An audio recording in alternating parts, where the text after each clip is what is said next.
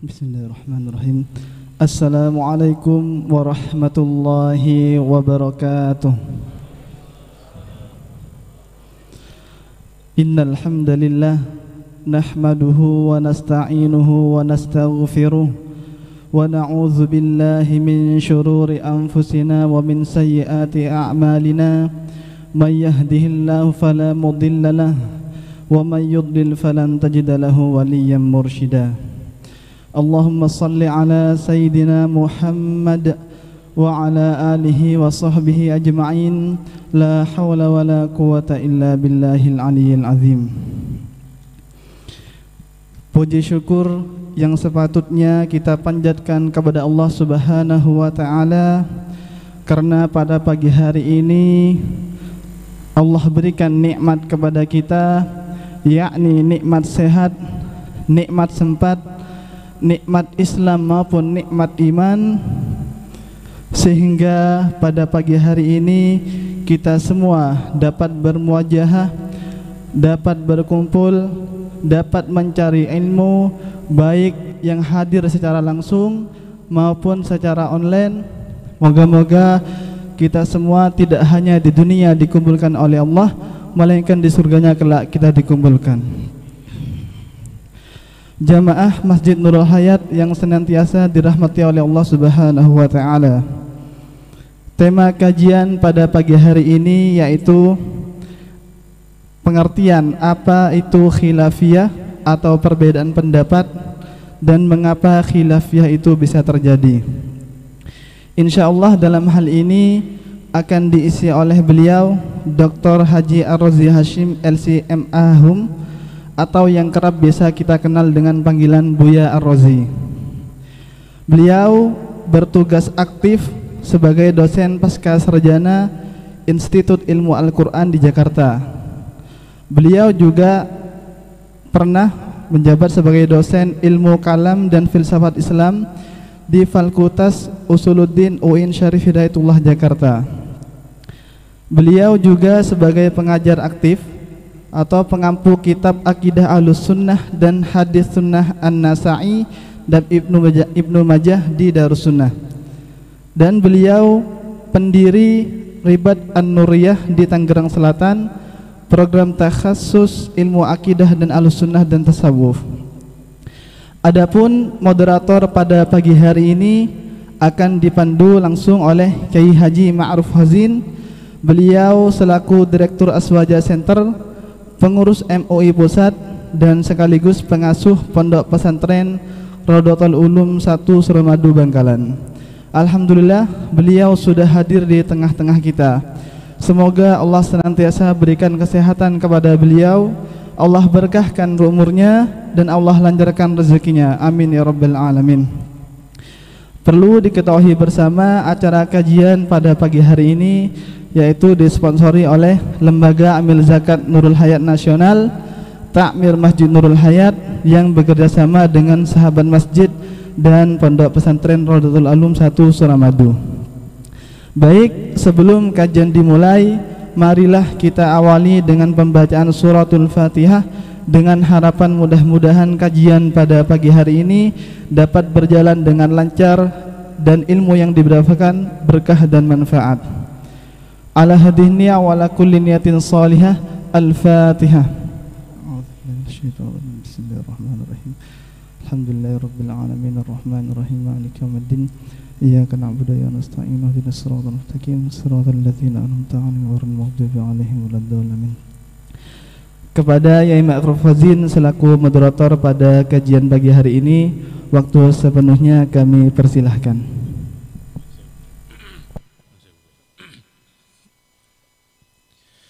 Assalamualaikum warahmatullahi wabarakatuh.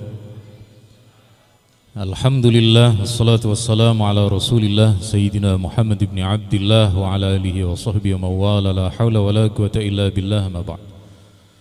Hadratul Kurama wal Fudola yang sangat saya muliakan para alim, para ulama, mobil khusus guru kita Dr. Buya Rozi. Abqahullah bisalamahu wal afiyah.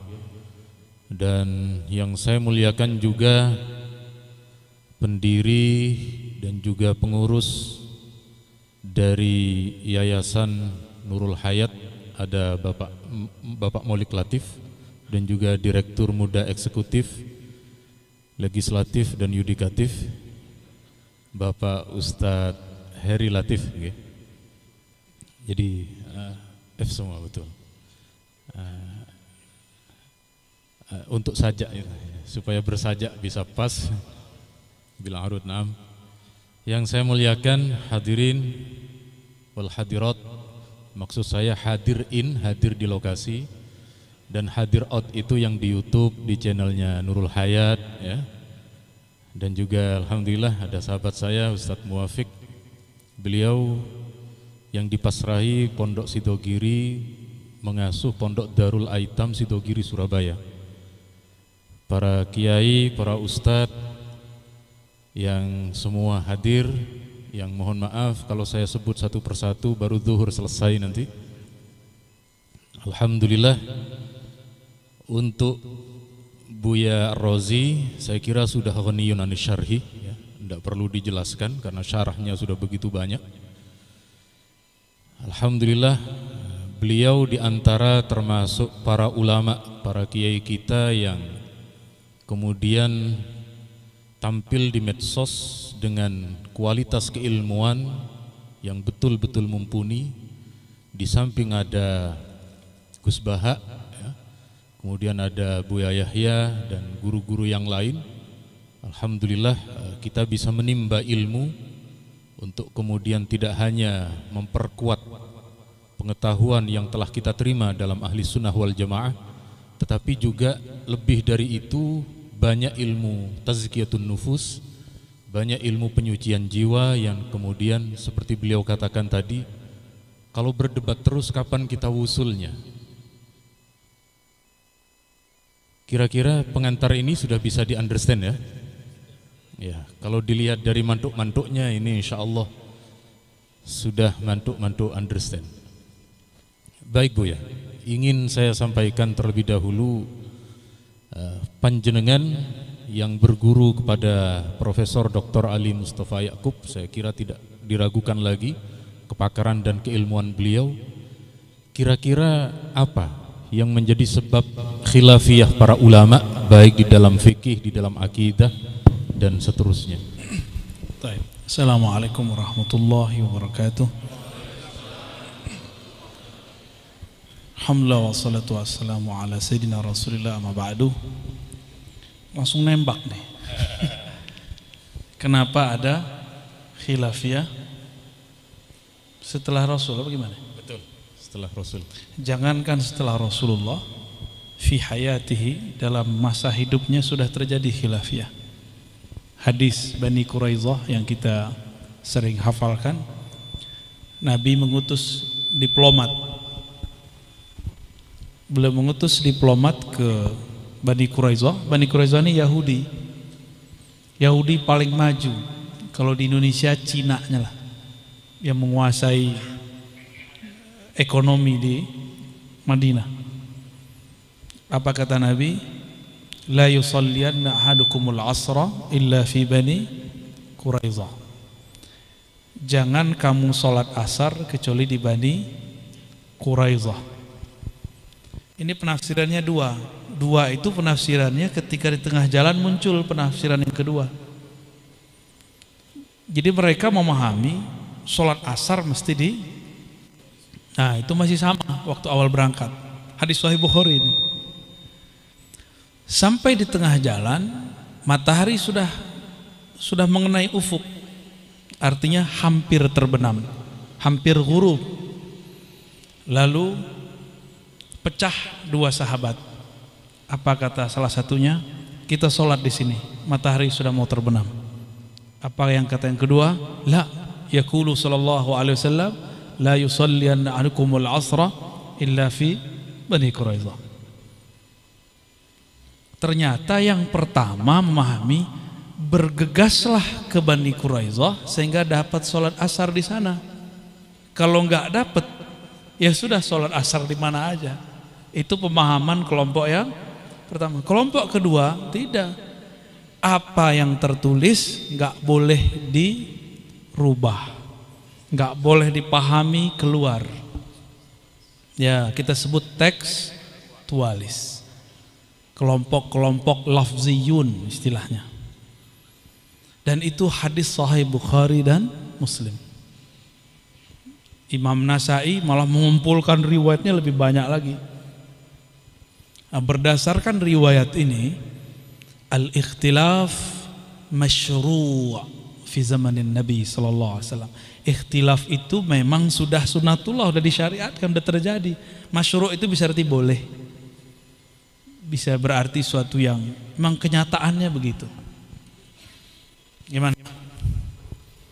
Berarti bukan ba'da Rasul sallallahu alaihi wasallam, lakin fi hayati.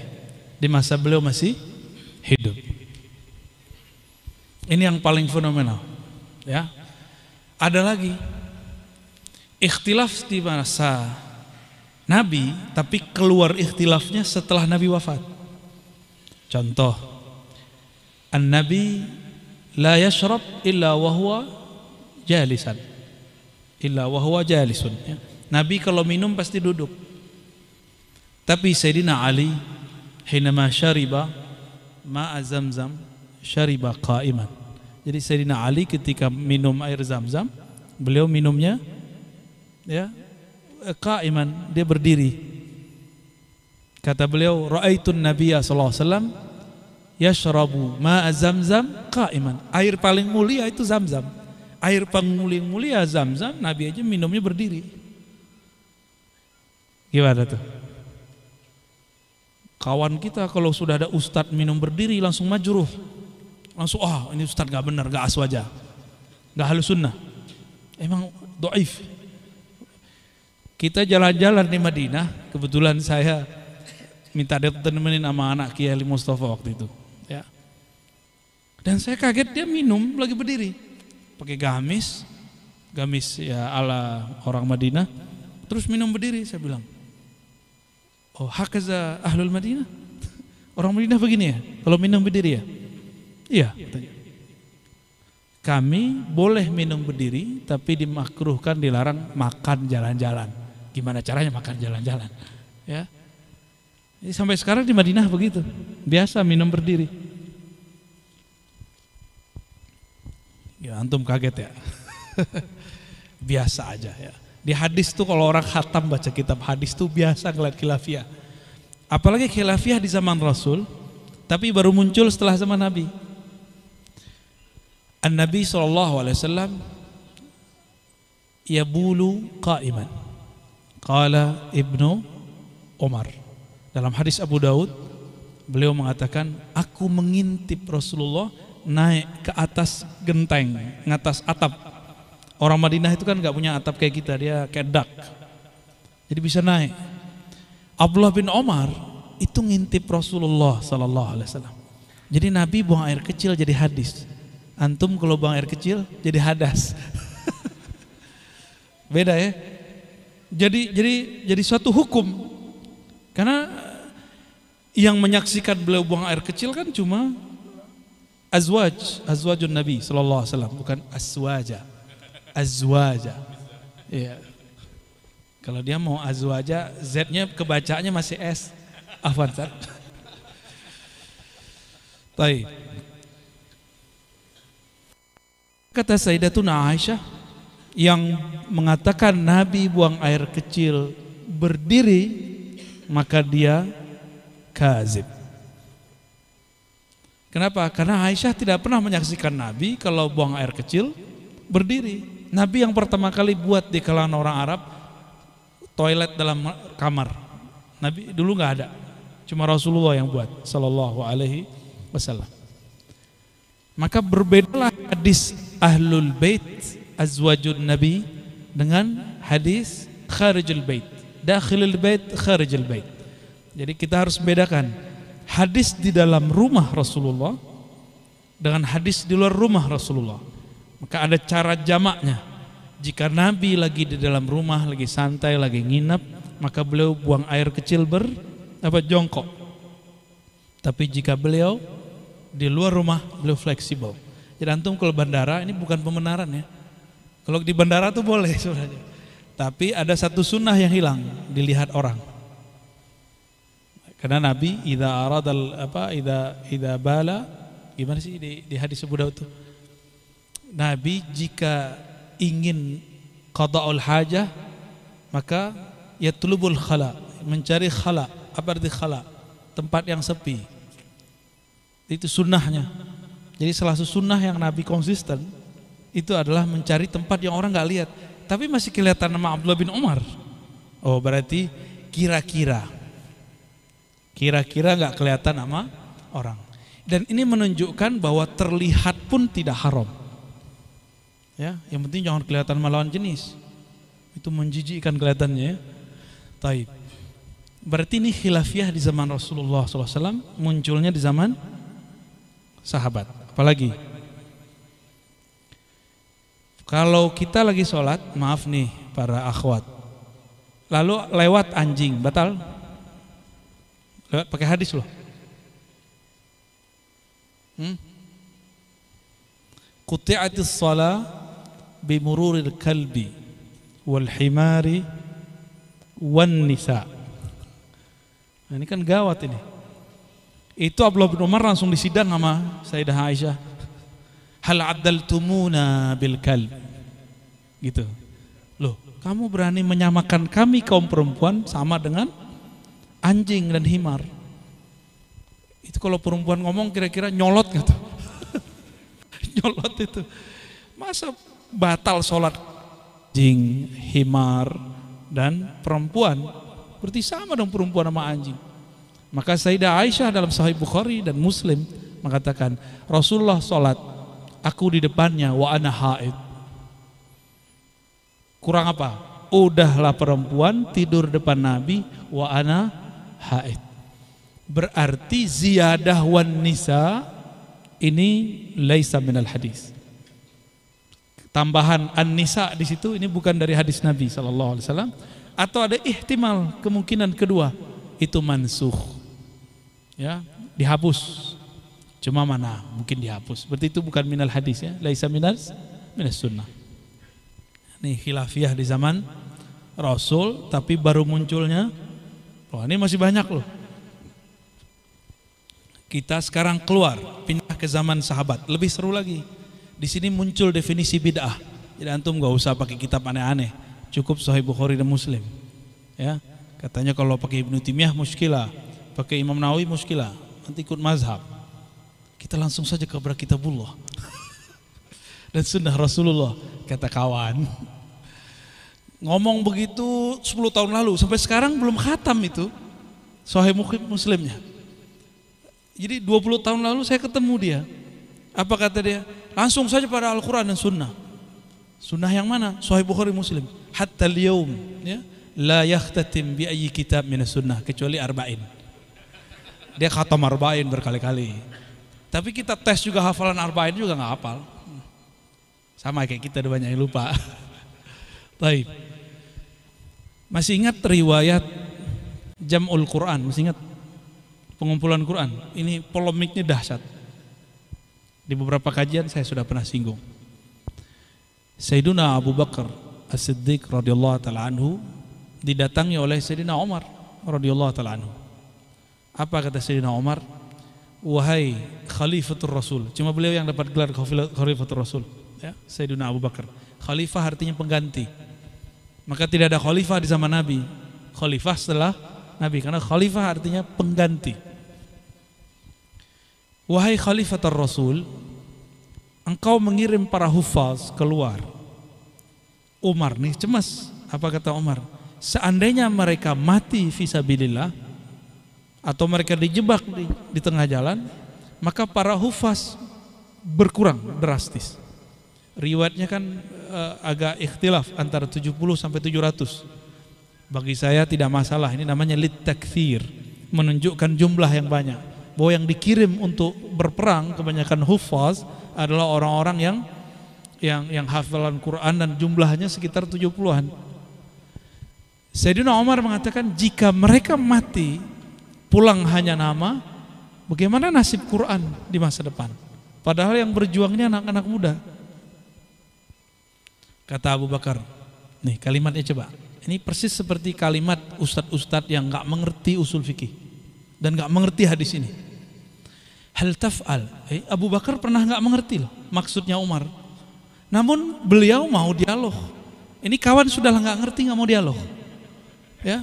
Nah, Sayyidina Abu Bakar mau dialog. Coba perhatiin. Hal taf'al ma lam yaf'alhu Rasulullah sallallahu alaihi wasallam. Apakah kamu buat sesuatu yang Rasulullah tidak pernah buat?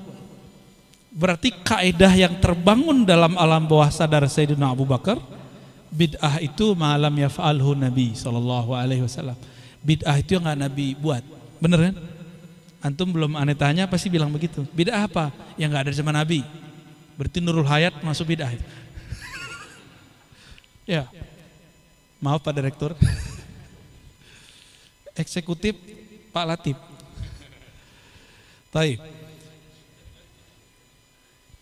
Ketika Sayyidina Abu Bakar mengatakan hal taf'al ma lam yaf'alhu Rasulullah SAW apakah engkau melakukan yang Nabi tidak lakukan?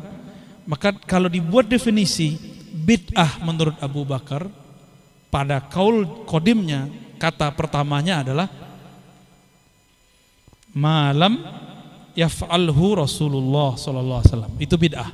Versi siapa tapi ini kaulun kodim Umar ini kan cerdas. Beliau kan muhaddatsun. Bukan hanya cerdas biasa, Allah ajak dia bicara itu muhaddas. Jadi Umar itu makom walayahnya walayah musawiyah. Jadi dia kewaliannya itu mewarisi Sayyidina Musa, maka dia bisa berdialog dengan Allah. Jadi ruhnya itu dalam keadaan apa aja bisa dialog dengan Allah. Makanya iblis takut sama dia. Ya. Itu Umar. Makanya Umar mengatakan iftikhar wa tahaddus bin ni'mah bersyukur atas nikmat Allah karena beliau keceplosan turun tiga ayat hukum. Tiga ayat hukum itu adalah perubahan besar di tanah Arab. Salah satunya berhijab seperti akhwat-akhwat ini. Ya. Apa kata Umar?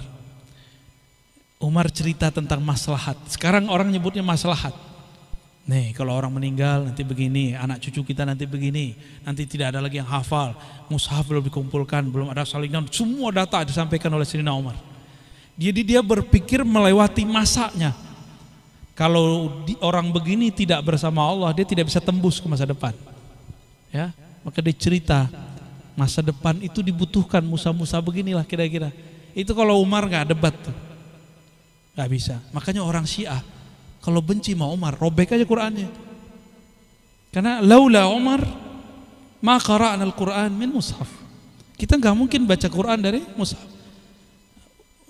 Kan banyak juga ya. Katanya di Jawa Timur ada Syiah ya, Sibeh. Ya.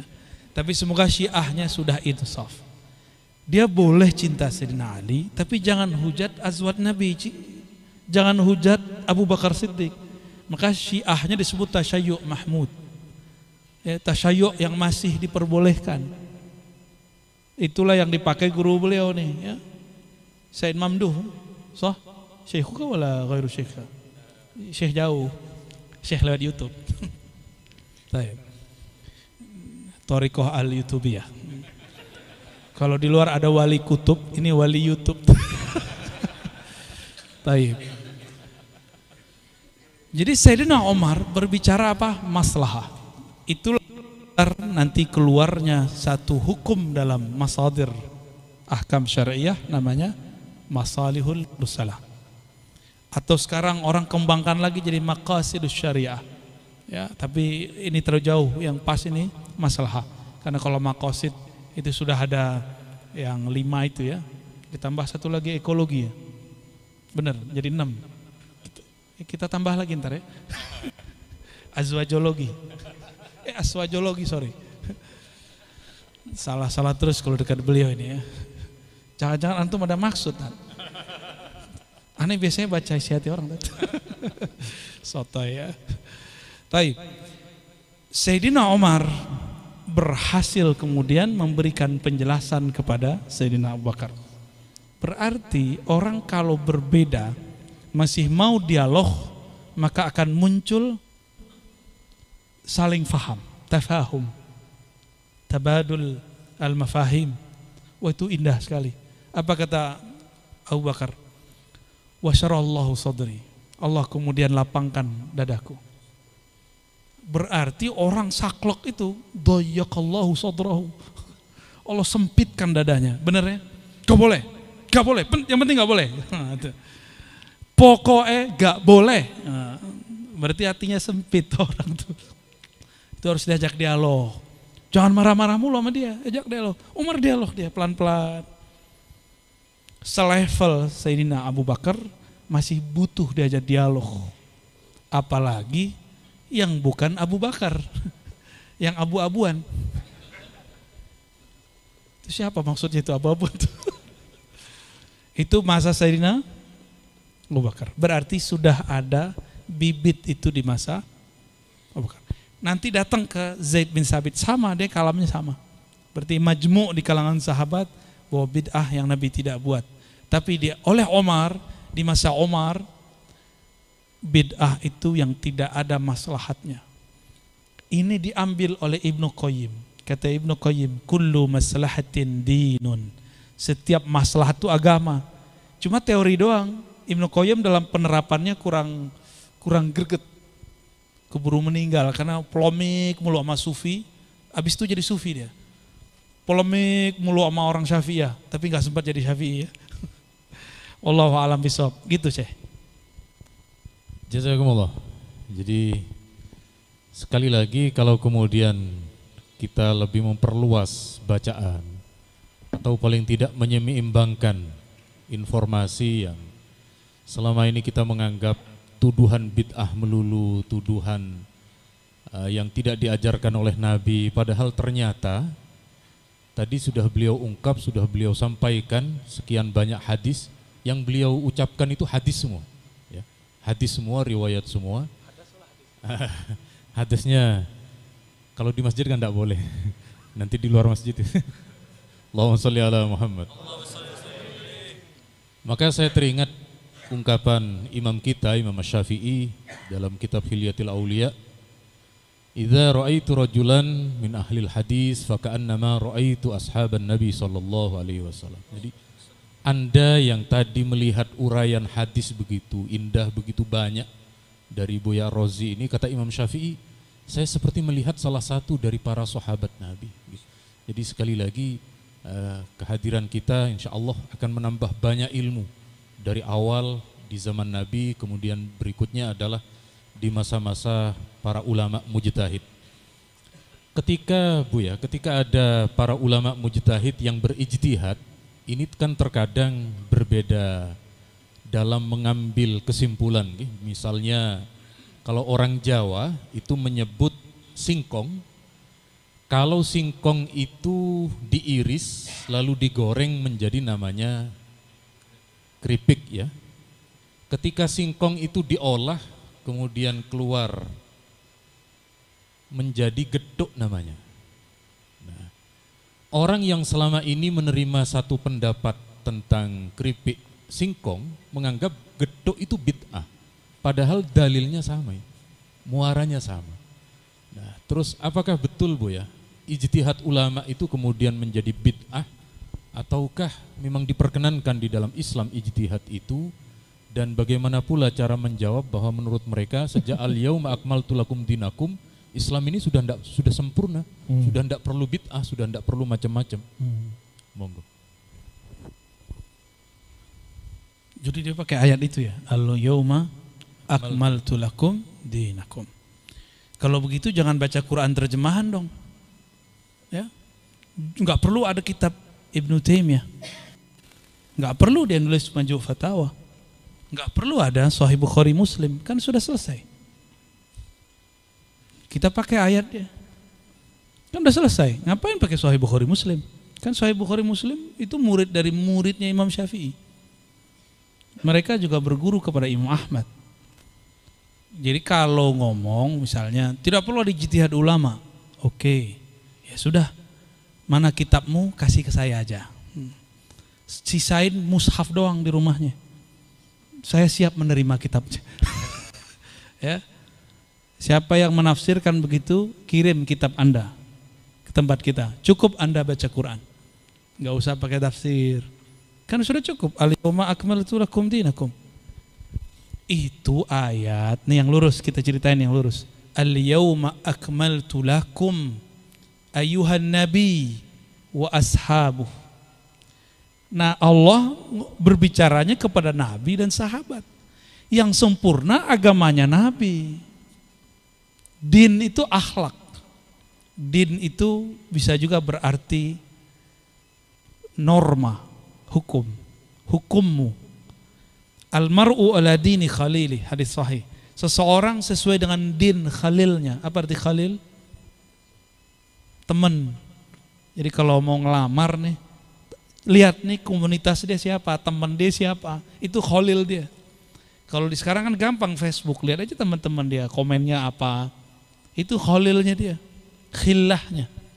Ya. Mau ngelamar lagi kiai. Ngelamar kerjaan maksudnya. Kepedean aja ya. Baik. Maka din berarti di situ akhlak. Al-mar'u ala sirati akhlaki zamili atau eh, apa biati misalnya. Seseorang itu akhlaknya yang ngikutin. Jadi al-yauma akmaltu lakum dinakum bisa berarti akhlak kamu. Sesuailah dengan hadis. Wa ma bu'istu illa liutammima makarimal akhlak yani makarimad din. Nyambung. Nyambung nggak? Aku tidaklah diutus kecuali untuk menyempurnakan akhlak. Baru nyambung. Jadi katanya kalau menafsirkan Quran pakai sunnah. Ini nih penafsiran Quran pakai sunnah. Yang sempurna akhlaknya Nabi. Itu pemahaman pertama. Din, malik yaumiddin. Apa arti din? Hmm? Jadi jangan dulu masuk ke mana-mana, Quran bil Quran aja dia udah keteteran itu. Apa arti din di surah Al-Fatihah? Yaumul akhir, yaumul jaza, yaumul thawab, yaumul hisab. Banyak itu. Ad-din penguasa hari, ad-din artinya hari kemudian, hari hisab. Coba nyambung nggak kalau diterjemahin? Al yauma akmaltu lakum dinakum. Sekarang aku sempurnakan hari kemudianmu. Nyambung nggak? Nggak nyambung. Maka tafsir harus bersanad. Disebut tafsir bil ma'thur. Bukan berarti tafsir sanad itu antum baca kitab tafsir Quranil Azim bin Mukathir. Itu namanya nyontek. Bisanat tuh kita dengar guru kita nafsir. Kita dengar guru kita menjelaskan tafsir. Itu yang bersanat bukan mengatakan dalam tafsir Ibnu Katsir halaman sekian itu namanya referensi. Ya, wijadah dapat nemu, nemu di kitab. Bisa ngikutin ya? Ini enggak berat-berat kok ya. Paling panas saja. Kayaknya AC-nya kurang nih, Pak. Apalagi din. Apalagi arti din? Hmm. Tadi hukum udah dain.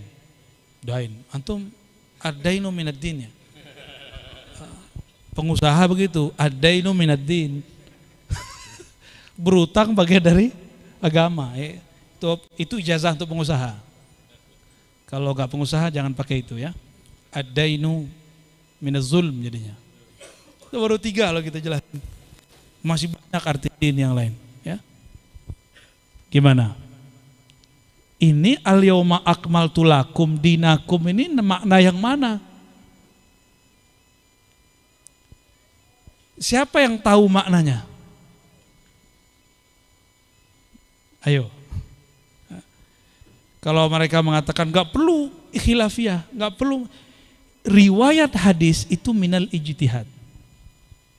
Kita bisa cek. Antum kalau belajar hadis ada namanya sigatul ada tahdis. Cara menyebutkan lafaz guru menyampaikan. Maka kalimat haddatsana ada anba'ana, ada yang lebih tinggi sami'tu. Ya, sami'tu haddatsana, akhbarana, anba'ana. Itu udah beda tuh, itu ijtihad semua. Ahlul hadis yajtahidun. Ahli hadis berijtihad. Antum tahu nggak Sohih menurut Imam Bukhari bukan sohih menurut Muslim. Contoh, mau tahu contoh? Man adali waliyan faqad adantuhu bil harb. Siapa yang menyinggung wali-waliku, aku nyatakan perang baginya. Itu hadis tidak dinyatakan sahih oleh Imam Muslim. Tapi disahihkan oleh Imam Bukhari. Lagi. Ada hadis tentang pengharaman khamar bidwanita ya hir al-harir uh, sutra wal ma'azif. Itu hadis didoaifkan oleh Ibnu Hazm tapi disahihkan oleh Imam Bukhari. Di akhir zaman akan terjadi ya. Saya kunu fi ummati akwamun yastahilluna al-khamra wal hirra wal harira wal ma'azif. Itu hadisnya. Akan terjadi di akhir zaman beberapa kelompok umatku menghalalkan khamar. Bidwanita, bidwanita itu maksudnya ya sekarang itulah prostitusi online itu masuk ke situ wal harira bersamaan ada sutra. Wal ma'azifa dan ada ma'azif. Ma'azif itu alat, alat yang me, melenakan ya. Alat-alat hiburan bisa di handphone. Masuk tuh haram gitu lebih haram musik apa handphone lebih melalaikan lebih lahwul hadis musik apa handphone? Handphone. Sini kasih buat saya. Serius? Jadi mereka ini terjebak oleh tafsir masa lalu. Ibnu Abbas ketika melihat ada orang sibuk nyanyi terus bilang lahul hadis itu al-ghina. Terus beliau ngelihat ghina itu nyanyi. Lalu ada orang main musik, apa kata lahul hadis itu ma'azif. Main alat-alat musik. Kalau zaman sekarang Ibnu Abbas hidup, kira-kira halal hadisnya apa? Itu smartphone. Sini kata sini. Gak ada yang berani kan? Antum gak beriman dong. Gak percaya kepada Allah dan Rasulnya. Bisa ngancem gitu kita ya. Wah kalau aneh seriusin itu bisa keluar semua itu. Cuma kita kan lagi canda-canda ya. Ngaji itu udah serius. Wajah udah serius. Kalau diterusin itu benar keluar. Saya praktekin ada orang begitu. Haram loh ya. Terus gimana Yai? Sini, kita bersihin, benar keluarin. Balikin lagi. Ya. Terus serius ngaji. Hidup ini innamal hayatud dunya. Hah? Hah? Laibun, ulahun. Dunia itu santai aja, jangan terlalu serius. Ya. Kayak beliau lah ketawa mulu kan. Kena covid aja bisa ketawa. Makanya ini bekas trauma nih pakai pakai cadar cadar dagu. Orang cadar sini dia cadar. Afan ya. Mumpung depan orang anda bisa ngerjain antum kan. Taib. Jadi itu itu baru lafaz din. Belum lagi al-yaum. Itu apa faedahnya? Akmaltu lakum dinakum wa raditu lakumul islamina. Jadi teman-teman, jangan kemudian ter pedaya oleh kata-kata yang menjebak, yang membuat otak itu tumpul. Karena nggak konsisten, nggak boleh khilafiyah, tapi ngikutin khalifiyah ahli riwayah. Ini ada ahlu riwayah menghafalkan teks, mereka punya khilafiyah. Ada ahlu dirayah, ahlul fik, mereka juga meriwayatkan. Yang diriwayatkan pemahaman dikenallah mazhab yang empat. Itu juga periwayat, periwayat pemahaman hadis. Kalau Imam Bukhari periwayat lafaz hadis, bisa bedain. Sufi periwayat rasa mengamalkan hadis. Tuh.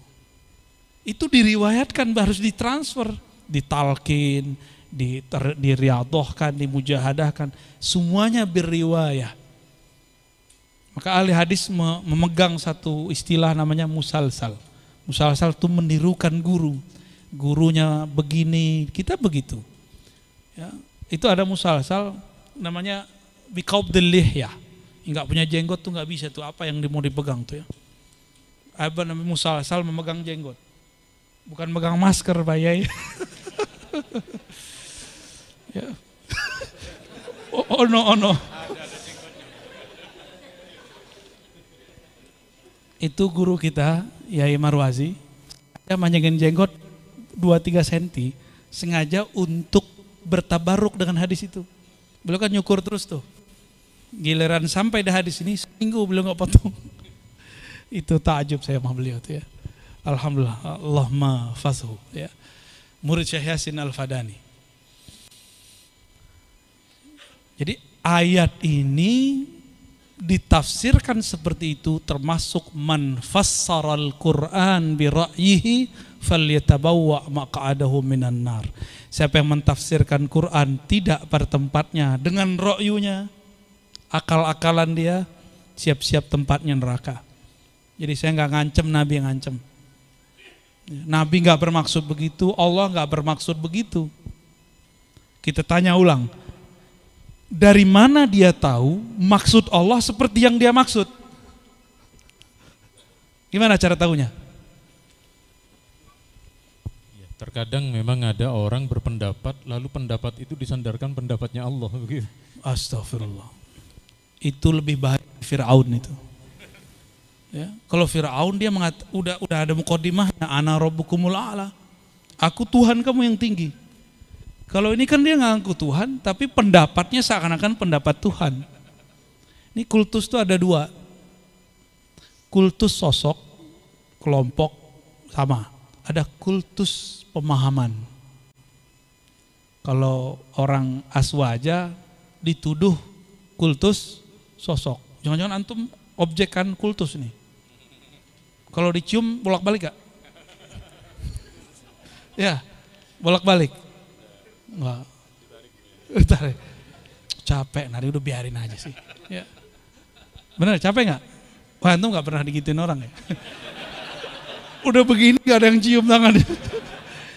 ini beliau udah ngumpetin dikejar tangannya sama orang ya. Emang sakti ini. udah gitu aja deh. Tentang ijtihad ulama apakah kemudian bisa diklaim bid'ah? mulai gerah ya. Ini itu biasanya saya taruh untuk nggak kena AC di sini. Taib. Ijtihad ulama kalau yang ijtihad antum ya. Ya. Kalau ente yang ijtihad tuh itu bid'ah itu. Tapi kalau Rasulullah punya pewaris, pewaris disebut ulama al ulama warasatul anbiya, ulama pewaris para nabi jika yang ijtihad ulama itu bukanlah bid'ah. Maka kita definisikan ulang bid'ah. Ya. Kita ambil imam dari imam yang anti bid'ah. Ibnu Taimiyah. Ya. Saya sudah sering sebutkan ini di kajian-kajian sebelum pandemi ya. Dalam kitab Iqtida' Siratul Mustaqim, dua jilid mujalladan. Beliau mengatakan Al-bid'atu ma lam yadulla alaihi dalilun syar'i. Bid'ah itu yang tidak ada dalil syaraknya. Saya mau tanya, dalil syarak ada berapa? Syariat itu dalilnya ada berapa? Hmm? Kata kawan dua aja Quran sama sunnah. Nah, kayak gitu debat sama Kiai Ma'ruf ya. Dikit lah kan berubah jadi khazin ke Amin kan. Bukan wakil ketua MUI, wakil presiden. Gimana? Kata kawan, hukum sumber hukum cuma dua, Quran dan Sunnah. Ini kan jahil yang ngomong begini. Al-qail bihi jahilun. Ya, itu yang ngomong orang jahil. Orang jahil nggak usah ditanggapin. Fa'arid anil wa'arid fa fa'arid. Wa'arid anil jahilin. Berpaling dari orang jahil. Gak usah dilayani orang begitu. Cuma masalahnya sekarang udah masuk ke YouTube, masuk ke masjid, bikin rusuh di mana-mana. Makanya beliau kemudian ngomporin saya untuk bahas itu lagi. Padahal ini pembahasan udah saya kubur sebelum pandemi. Baik. Ijtihad ulama disebut bid'ah. Abu Bakar ulama nggak? Umar ulama nggak? Mereka beda, beda nggak? Bukhari punya kaedah sahih. Muslim punya kaedah sahih. Mereka ulama nggak? Gimana? Beda nggak? Hati-hati ketika berbicara. Jadi benarlah kata Nabi di Sahih Bukhari itu bisa jadi orang berbicara la yara ba'san. Dia mengira nggak apa-apa. Tapi ketika dia ngomong begitu yahwi sab'ina kharifan. Dia jatuh ke dalam neraka jahanam sab'ina kharifan. 70 kharif, 70 musim. 70 musim sana. Kalau di sana satu hari seribu tahun. 70 musim antum kalian 70 ribu tahun baru jatuh di bawah api neraka. Dia ngomong sembarangan. Hati-hati kalau berbicara itu. Karena sama dia dengan mengatakan Imam Syafi'i, para sahabat itu ahli bid'ah semua. Atau mereka bukan ulama. Saya dengar ada orang bahlul ngomong, jika Imam Syafi'i berbeda dengan Nabi, dahulukan Nabi itu benar-benar gila itu. Kok ada logika setan begitu tuh? Terbayang nggak oleh antum Imam Syafi'i setiap hidupnya itu lihat kitab Al-Um itu hidup dia itu mulai dari awal bangun sampai tidur lagi semuanya sunnah Imam Bukhari belum ada zaman itu nggak ada keluar dari sunnah itu Imam Syafi'i dia katakan apa kalau Syafi'i beda sama Nabi dahulukan Nabi Lo kita kenal Nabi itu karena berkat Imam Syafi'i. Kayaknya harus kita ganti. Nih. Kalau Nabi beda sama ente, ente kita pecek. Kita jadi pecel aja dia ya. Ini gawat bener orang-orang begini. Belakangan tambah menggila. Apa kata dia? Kalau sahabat beda dengan Nabi, maka kita harus ikut Nabi, tinggalkan sahabat. Itu orang di dalamnya apa itu? Iblis atau apa itu? Ini gergetan loh kalau saya begini. Kenapa? Ini lebih bahaya dari Syiah. Lebih bahaya dari Mu'tazilah. Lebih bahaya dari Khawarij. Khawarij itu cuma mengkafirkan Sayyidina Ali, Sayyidina Muawiyah dan kelompok mereka berdua. Kalau Syiah memfasikkan sahabat-sahabat besar selain Ahlul Bait. Kalau ini apa kata dia? Jika sahabat berbeda dengan Rasul, maka kita tinggalkan sahabat ikut Rasul. Sama nggak dengan Syiah? mereka juga nggak percaya alul bait. Itu sahabat dia siapa lagi? Alul bait dia siapa lagi? Ini berbahaya. Logika-logika ini dipakai oleh orang-orang awam. Ini kalau dibiarkan tubuhnya tubuh muslim, tapi ruhnya bukan ruh, ruh suci. Tapi itu ruh kegelapan, ruh iblis di dalamnya. Ya logikanya udah nggak benar. Dan antum ini bukan aku nakutin. Ke depan kalau ini tidak diredam akan tambah banyak. Maka orang-orang seperti Kiai Ma'ruf Khazin harus kita jaga benar. Ya, karena beliau serius ngurusin itu.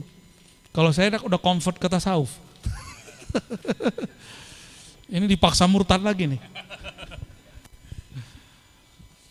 Fadal. Jazakumullah. Nah, jadi sekali lagi kita kemudian menjadi lebih faham, menjadi lebih mengerti untuk menjaga tutur kata, untuk menjaga hati biar tidak suudon.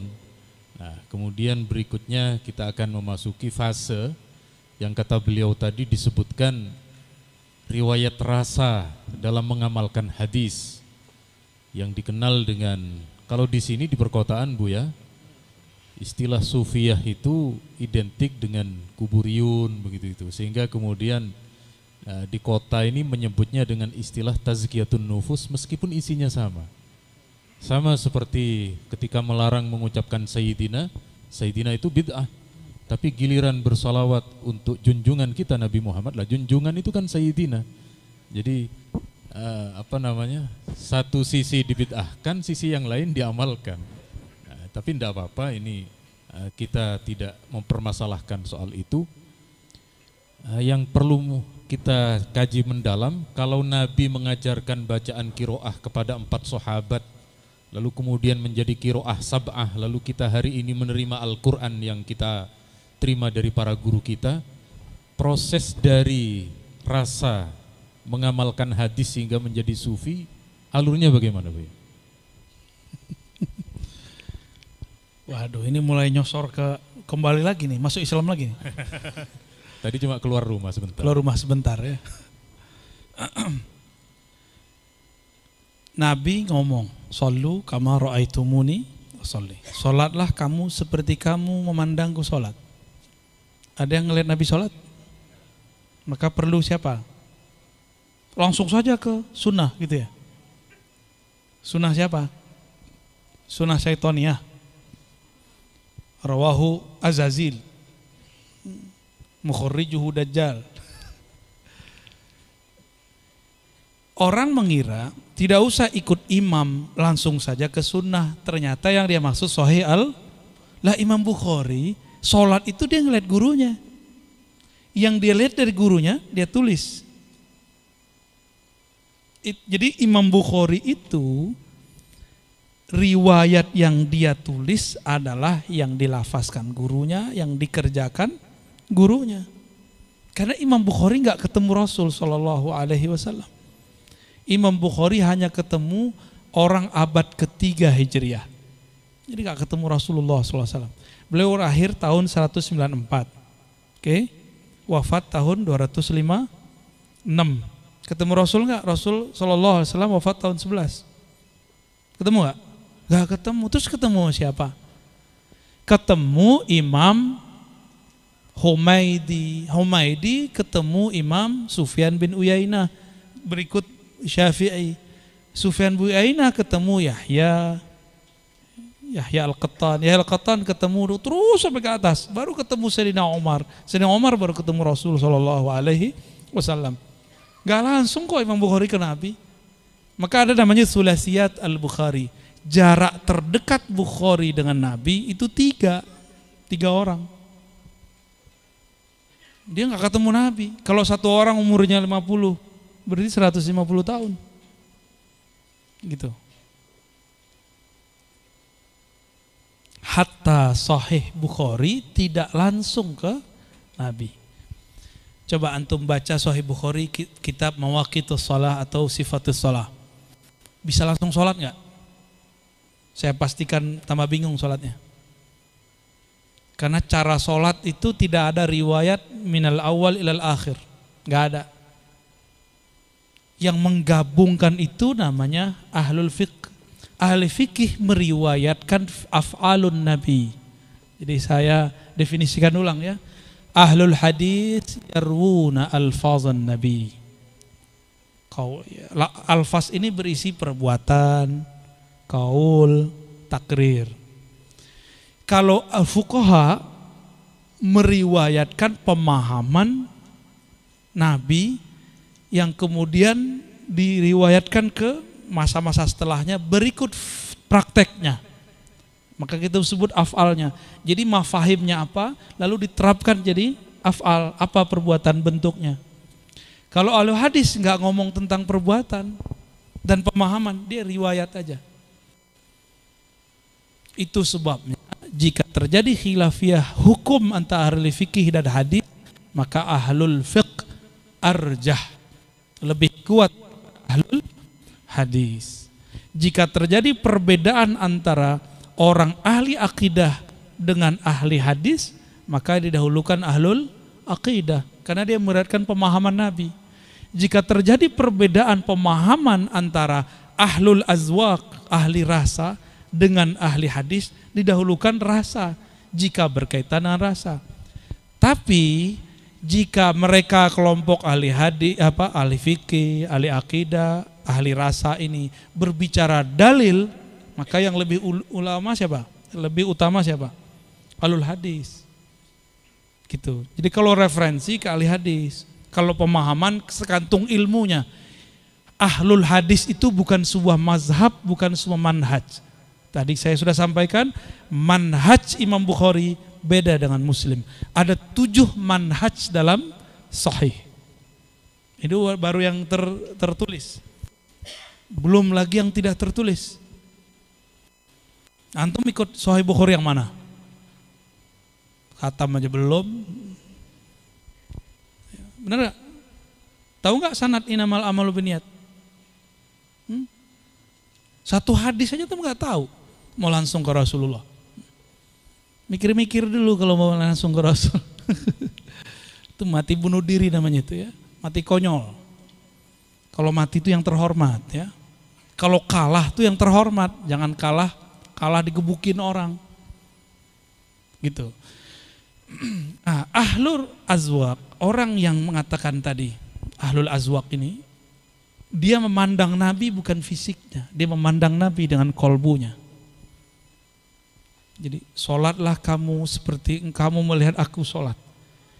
Ahli hadis menyatat gerakan-gerakannya, ahli fikih meriwayatkan cara-caranya, ahlu tasawuf mereka meriwayatkan rasa yang ada saat sholat. Itu bisa diriwayatkan. Jadi rasa itu bisa diriwayatkan. Rasa itu bukan murni, oh itu dari Allah. Betul dari Allah. Tapi kan rasa itu ada kliknya. Bisa dibuka. Maka Imam Ghazali berani sekali mengatakan, ilmu fikih itu ilmu ma'rifatus sihah wal batil. Ya, as-sahih wal batil. Sedangkan ilmu tasawuf ma'rifatur rad wal qabul. Canggih nggak tuh? Amal antum diterima atau tidak? Kalau ahli fikih bilang apa? Hanya Allah yang hmm, itu mah bagi Imam Ghazali cemen. Ente orangnya terbelakang. Ya. Beragamanya belum beres itu. Imam Ghazali bisa pastikan amal kita diterima atau tidak. Ada indikatornya, ada ilmunya. Hadisnya ketahuan mana yang diterima, mana yang tidak ahli fikih juga tahu sah dan batal. Masa ahli tasawuf tidak boleh? Ya, ahli hadis, ahli fikih udah. Ahli tasawuf masa nggak boleh buat indikasi sendiri? Mereka juga punya ijtihad. Zikir yang betul-betul wusul itu ada ada indikatornya. Ada tahapan-tahapannya. Sholat kan dimulai dari takbir, diakhiri dengan salam, benar? Sama. Tasawuf itu diawali dengan taubah, diakhiri dengan ridho. Ada, ada cara-caranya. Sebagaimana Rasulullah Shallallahu Alaihi Wasallam mengajarkan, begitu juga kita mengajarkan. Kalau ingin rapi ilnya belajar ke ahli hadis. Kalau ingin rapi gerakan sholatnya, belajar ke ahli fikih. Jika ingin rapi kolbunya, belajar ke ahli tasawuf. Gitu, ya. Jadi Sekali lagi inti yang dari beliau sampaikan terkait dengan zauk. Zauk itu cita rasa ya. Jadi ilmu tasawuf itu diambil dari akhlaknya Nabi. Jadi bagaimana bagaimana Nabi bermuasyarah dengan para sahabat, dengan orang-orang tidak pernah menunjukkan rasa sombong. Itu kalau kemudian di dalam kitab tasawuf, di dalam kitab Ihya biasanya ada di juz 3 dan juz 4 ya Rubu'ul Muhlikat, Rubu'ul Munjiat. Nah, sekarang ini ya alhamdulillah beliau kemarin rawuh ke pondoknya Kiai Hamid di Pasuruan.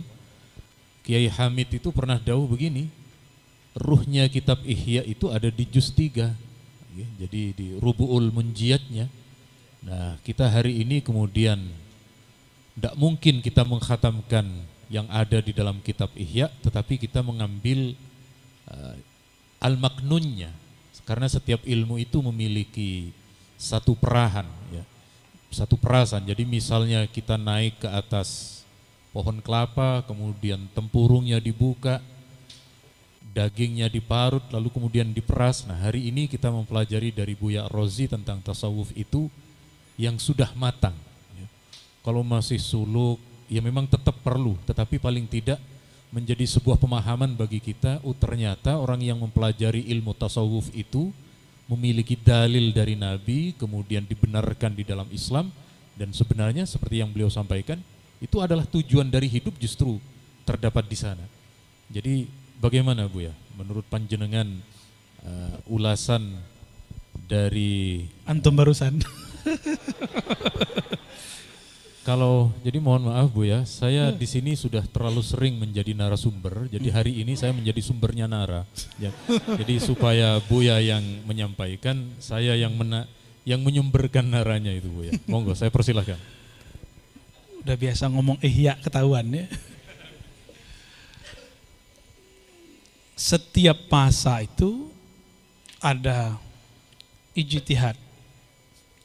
Ijtihad itu bukan merubah agama, tapi menyesuaikan kondisi kita dengan agama.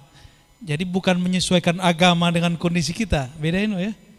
Jadi ijtihad itu adalah adaptasi masa ini terhadap agama dari Allah Subhanahu wa taala. Ketika kita beradaptasi dengan agama, maka akan beda caranya orang Jawa, Madura, Sunda, Betawi, Sumatera itu udah beda caranya.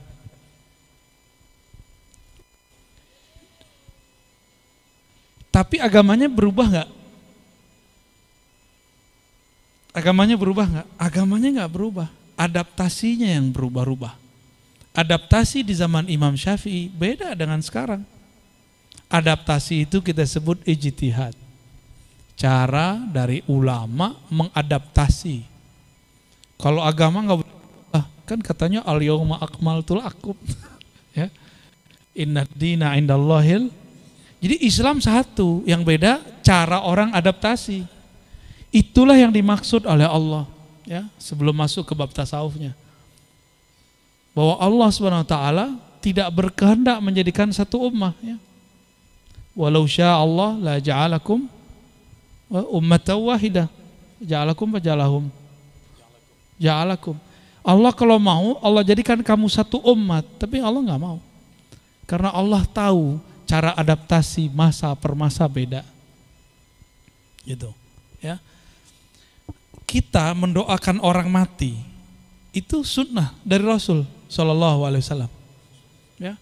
Nabi ngomong afdolud doa alhamdulillah. Maka ada orang kalau doa Al-Fatihah. Kan alhamdulillah isinya.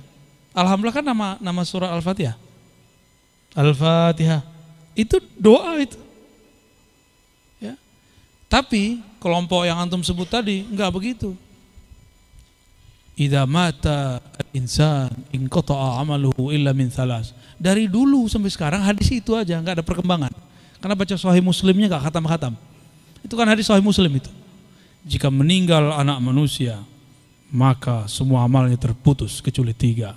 Nomor tiganya waladun solihun yadu'ulah. Anak soleh yang mendoakannya. Jadi kalau tidak anak tidak sampai. Ya, saya agak kesel sama orang begitu. Kita ngomong udah seribu kali nggak ada dengerin. Ya, udah tunggu dia mati aja ya. Dan semoga dia mandul, jadi nggak punya anak. Kalau mati nggak ada yang doain, Nggak boleh doa kan? Kalau begitu boleh nggak nyolatin dia? Antum kalau doa takbir ketiga bacanya apa? Allah maufir lahu warhamhu wa'afi wa'afu Soh? Betul? Ya Allah ampuni mayit di depan kayaku ini. Rahmati dia. Itu takbir keberapa? Takbir ketiga. Kalau nggak nyampe kecuali anak di mana? Nggak usah disolatin. Gotong, tendang aja masuk kubur. ya. Kau nggak punya anak, hmm. selesai kan? Emang begitu cara memahami hadis? Kan nggak begitu. Nggak faham. Dia baru tahu terjemah, tapi belum tahu fikul hadis. Yang dimaksud inkatoa itu bukan habis. Inkatoa itu intahal amal. Idza matal insan intaha amaluh kalau manusia mati, dia nggak bisa beramal lagi. Bisa nggak orang mati beramal? Kalau bisa, kabur semua kita di rumah. Bisa nggak beramal orang mati? Itu maksudnya. Bukan berarti selain dia tidak boleh berdoa. Ya salam, ya. Ini juhala-juhala akhir zaman nih tambah banyak ini. Nah, kita harus bersiap meluruskan itu dan harus siap ya, mungkin berjibaku nanti ke depan. Jadi tugas antum bukan tambah ringan. Ya, uh, tambah dahsyat ntar. Tapi aneh kabur ya. Kita suluk ntar, kolwat aja ntar. Ah, dalam tasawuf, tasawuf itu sederhana aja. Tasawuf itu dia nggak pakai akal, nggak pakai jasad, dia pakainya kolbu. Kolbu pun baru awal, di belakang kolbu ada lagi fuad, di belakang fuad ada lagi lub, belakang lub ada lagi sir, kan semuanya ada di Quran itu. Istilah empat ini ada di Quran semua. Baru ujungnya ruf. Tasawuf yang antum tahu sekarang mungkin baru tasawuf nafsiyah. Nafs jiwa. puasa, modal lail puasa. Apalagi? Mau dapat ilmu pelet puasa. Namanya sih bahasa Arab, Mahabah Sulaimaniyah. Tapi itu bukan tasawuf. Itu bukan tasawuf. Bedakan riadah mujahadah sufiyah dengan riadah mujahadah bukan sufi. Mirip-mirip. Kopiah juga sama.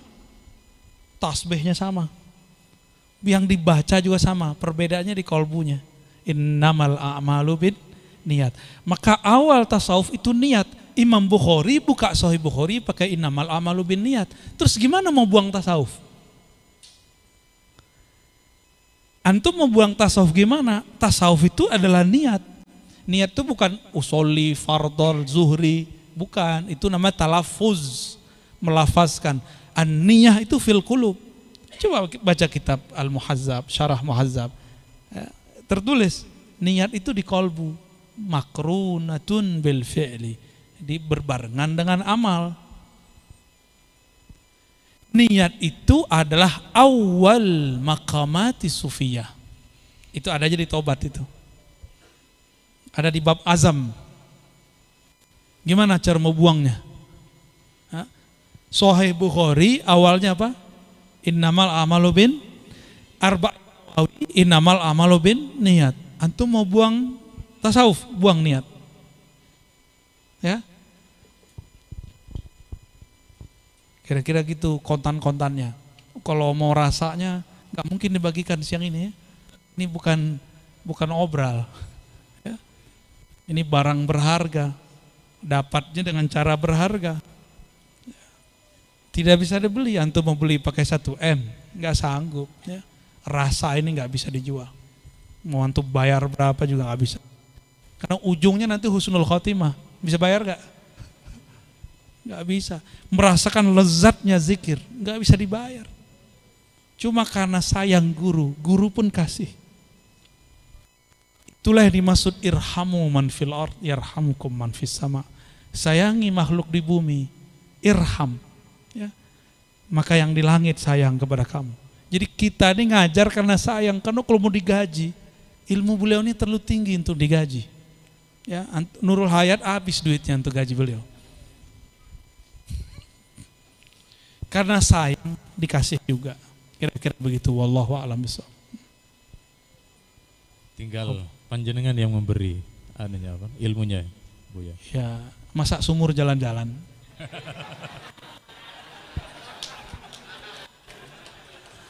Allahumma salli ala Muhammad.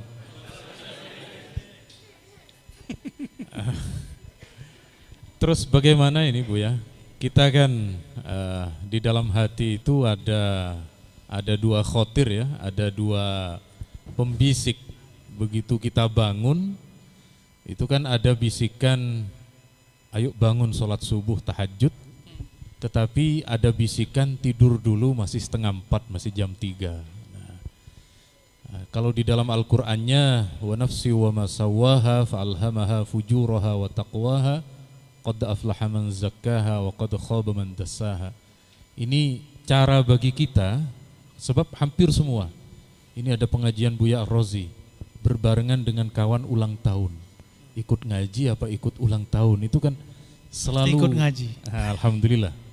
Kalau kemudian hati tergerak datang Eh, hadir ke majelisnya para kiai, para habaib, berarti kita menangkan itu.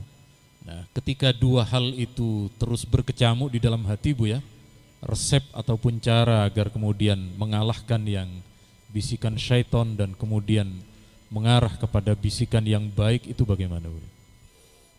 Jawabannya ada di ayat itu. Fa'alhamaha fujuraha wa. Maka dia memberitahu kepada jiwa bahwa di dalam jiwamu, di dalam dirimu ada fujur dan takwa. Bukan berarti Allah yang mengilhamkan fujur, bukan. Allah mengilhamkan nafs jiwa. Jangan salah paham ya. Ini kelompok Jabariyah mengatakan kalau saya fujur, saya zolim, saya maksiat, itu Allah yang mengilhamkan. Itu nahunya udah kena tuh. Fa'alhamaha mana? Ya maf, mau maf'ul awalnya siapa nih? Nafs. dia mengilhamkan sang jiwa. Apa yang diilhamkan? Fujuraha, maf'ul saninya. Bahwa di dalam jiwamu ada fujur. Jangan salah paham. Kalau terjemahan yang PA-PA itu ya, dialah yang mengilhamkan kefajiran di dalam dirimu berikut ketakwaan. Berarti Allah yang Allah maha fajir dong. Ya. Maha takwa dua sekaligus. Enggak, itu salah Ayatnya nggak ngomong begitu. Kan fujuroha bukan fujurullah. Ya, benar ya? Oke. Jadi gimana caranya? Nabi kasih kisi-kisi istafti kalbak. Tanyalah kolbumu supaya bisa bertanya ke dalam kolbu. Qad aflaha man zakkaha bersihkan dulu nafsmu baru engkau bisa berbicara dengan kebeningan kolbumu dan itu nggak mungkin kalau nggak berguru. Orang nahu sorof aja ada gurunya, orang nulis abata saja ada mursyidnya. Terus antum bilang, saya udah ngaji, cukup ngaji ihya, nggak perlu pada guru. Itu pengkhianat ihya. Karena penulis ihya lumudin berguru. Sama kayak tadi yang mengatakan gak usah ikut imam. Saya cukup baca Sahih Bukhari. Itu pengkhianat Sahih Bukhari. Karena Imam Bukhari berguru ribuan ulama hadis. Imam Ghazali lo punya mursyid. Antum udah punya mursyid belum? Belum. Gimana mau jadi ulama? Gimana mau jadi wali? Wali setan kali ya? Kan wali dua aja, wali rahman, wali syaitan. Yang enggak berguru wali setan. Man la syaikhalahu fa syaikhu syaitan. Sederhana, sesederhana itu. Dan betapa sombongnya para fuqaha, ahli nahu, ahli sorof, ahli baca kitab kuning, para kiai. Dia tidak mau bermursyid dia cuma saya cukup toriko saya Quran. Ya salam. Quran itu kan punya guru. Ente baru ngambil gurunya, hafalannya, tajwidnya, belum isyarahnya. Untuk ngambil isyarat Quran mesti ada mursyid lain. Gitu. Maka Imam Syafi'i enggak gurunya satu, gurunya banyak. Hafalannya Azanji, pemahamannya Imam Malik, gurunya siapa lagi? Banyak boleh punya guru. Jadi kita jangan cukup satu guru. Ya. Tapi dalam ilmu rohani sama dengan sekolah. Bisa nggak orang sekolah sekaligus dua? Bisa nggak? Nggak bisa kan? Tapi dalam satu sekolah banyak guru nggak? Ah, gitu. Kepala sekolahnya satu atau dua? Nah, tetap kepala sekolahnya satu gurunya yang banyak, ini mentor-mentornya. Mentor boleh banyak, mursyid cukup satu. Ustadz antum boleh banyak, saya dengar ini, dengar ini. Tapi kalau mursyid, mursyid ini yang meresepkan obat untuk kolbu. Jangan kebanyakan, ntar ngadu-ngadu ustadz. Ntar aneh pulang, Kiai Ma'ruf diadu mana kan. Kata rezim, terbalik antum kata itu murid-murid begitu bakal ada setiap masa ya. Hati-hati sama murid begitu. Oh kalau sekarang lebih canggih kiai. Lewat YouTube. Nanti dibuat versi Ma'ruf Khazin versi Arazi gitu. dibuat versus. Nanti ada masanya mereka buat begitu ya. Aneh sama uas kan dibuatin orang ya. Arazi uas versus ya Ntar mau ntar lagi sama Kiai Idrus tuh.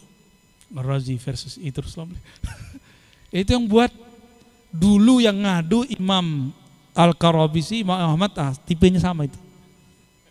Yang ngadu Imam Abu Hanifah dengan Hamad bin Zaid, sampai saya Hamad bin Zaid mengatakan Abu Hanifah itu najasatul ard, najisnya bumi, kata Imam Hamad bin Zaid.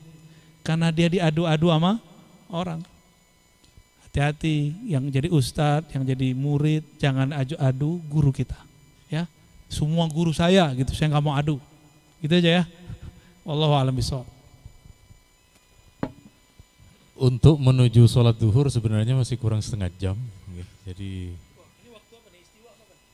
WIB, ini WIB uh, waktu Indonesia bisa berubah-ubah ini. Jadi bisa kita kondisionalkan ini Bu ya. Kira-kira bagaimana? Saya kira cukup sekian, tapi ada saya persilahkan yang ingin bertanya kira-kira sampai 20 menit dari Ikhwan satu, tapi dari akhwat dan kita ikuti prinsip ladies first, men second. Tidak tahu istilah dari mana itu.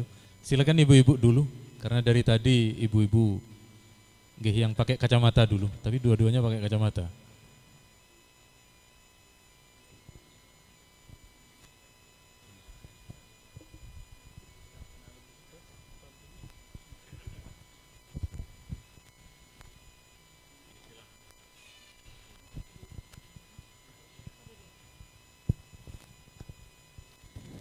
Assalamualaikum warahmatullahi wabarakatuh.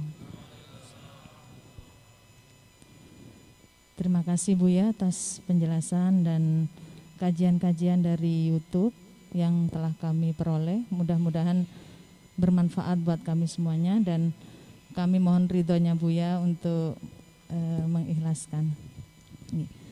Pertanyaan kami banyak dari kalangan ibu-ibu yang bertanya Eh, kami cuma mewakili. Ketika perempuan itu udur Bu ya, itu ada semacam ada semacam kerinduan untuk sujud, untuk baca Quran. Itu menurut Buya bagaimana kalau ditinjau dari orang-orang yang ahli tasawuf ketika perempuan udur itu ingin selalu dekat dengan Allah sementara dia dalam keudurannya itu tadi. Oke, terima kasih Bu ya. Wassalamualaikum warahmatullahi wabarakatuh. Mohon maaf, tadi pertanyaannya melenceng dari tema. Enggak masih berkaitan ya. Perempuan lagi haid gitu ya. Tiba-tiba rindu mau sujud. Wah, bukan rindu mantum. rindu mau sujud. Kita ambil kiasnya ke Sayyidina Abu Sa'id dan Abu Hurairah. Jadi beliau ini lagi junub. Belum mandi, kan gak ada WC dalam rumah, gak ada, gak ada kamar mandi dalam rumah. Adanya di hammamat. Maka beliau keluar, ketemu Rasulullah Wasallam. Rasulullah ini kalau ketemu bukan nunggu, bukan nunggu dicium tangannya, Nabi yang nyodorin tangannya. Tuh, beda sama kita ya. Beda bener sama kita. Kalau saya kabur. Apa kemudian yang dilakukan oleh dua sahabat ini beda-beda masa, beda kasus. Eh, kejadiannya hampir sama, tapi beda waktu ya. Mereka mengatakan, saya sedang junub wahai Rasulullah. Apa kata Nabi Shallallahu Alaihi Wasallam? Yang junub kan bukan tanganmu. Paham kan yang junub mana? Maksud junub di situ yang kotor. Eh, akhirnya sahabat ini pakai adab. Dia tetap nggak mau. Dia merasa dirinya kotor. Langsung kabur mau mandi. Mereka merasa tidak pantas bersentuh dengan Nabi dalam keadaan junub. Tapi dari kalam sedinan Nabi SAW terlihat bahwa kalau ada haidkah, junubkah, tidak dilarang beramal. Tapi amalnya bukan amal fisik yang ini, harus bagian yang tidak haid. Mohon maaf saya mau tanya, lidahnya haid nggak? Enggak, ya udah zikir aja. Telinganya haid nggak? Enggak, ya udah. Boleh nggak sujud syukur? Boleh, tapi jangan sholat, nggak boleh. Ya, sholat itu kan masuk ke masjid walaupun di rumah. Berani nggak masuk masjid dalam keadaan kotor? Jadi waju'ilat liyal ardu masjidah. Antum kalau sudah narok sajadah itu langsung jadi masjid itu. Itu dalilnya. Waju'ilat liyal ardu masajidah. Allah jadikan hamparan bumi sebagai masjid-masjid tempat sujud kembali ke makna harfiahnya, ke makna tasrifnya. Tempat sujud, mahallus sujud. Jadi di mana pun boleh. Nah, ketika masuk ke tempat masjid, kita lagi haid, lagi bukan kita ya, saya nggak pernah haid. Lagi junub, ya nggak nggak boleh. Nah, tapi diizinkan sekali cuma murur seperti sahabat uh, azwaj Nabi, ya istri-istri Nabi. Silakan tetap zikir, zikir pagi sore, ya. Yang paling gampang tuh yang saya kasih itu zikir eh, makalidus sama wati zikir buhul-buhul langit. Ya, zikirnya sudah biasa kita ketahui itu Pak ada tambahan di situ la haula wala Baca pagi sore itu cukup menghilangkan kerinduan kepada Allah menawar bukan menghilangkan, memberikan penawar. Jadi hidup ini sebenarnya adalah asyauq wal mahabbah, nggak lebih dari itu. Rindu kepada siapa itu yang kita cari-cari. Dikira rindu kepada orang cakep, kepada orang pinter. Cakep itu jamalullah yang ada pada dia. Orang pintar itu ilmullah yang ada pada dia. Jadi semuanya yang kita cari sebenarnya Allah. Tapi ketika menikah katanya orang alim ini alim, ternyata dia nggak alim semua. Ketika menikah dengan orang cakep, gagah, cantik, ternyata cantik itu cuma ketika sebelum menikah. Habis menikah, bau keteknya kecium. Nggak cantik. Apalagi mukanya mulai jerawatan, mulai keriput, segala macam. Jadi yang kita lihat itu sebenarnya tetap sifat-sifatnya Allah. Orang itu hidup cuma cari itu. Itu yang disebut wa ma khalaqtul jinna wal insa illa liya'rifun, liya'budun ya. Maknanya liya'rifun. Kenapa pengen liya'rifun? Karena mereka yuhibbunani. Mereka cinta kepadaku. Kita kalau udah kenal cinta kan?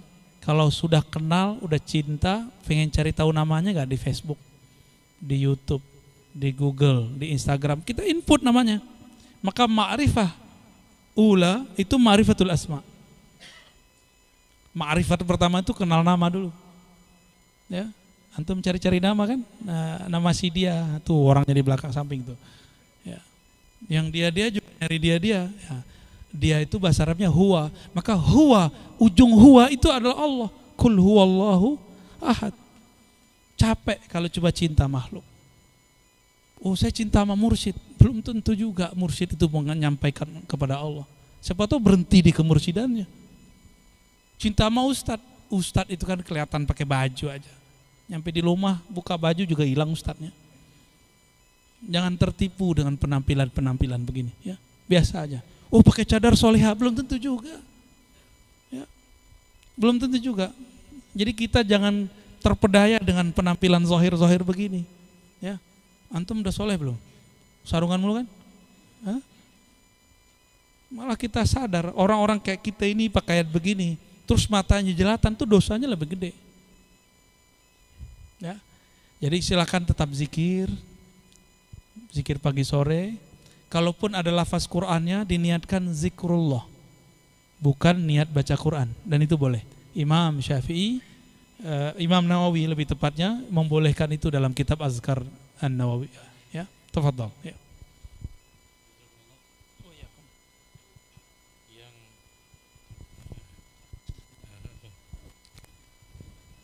Yang kedua, ini dari depan Ustaz.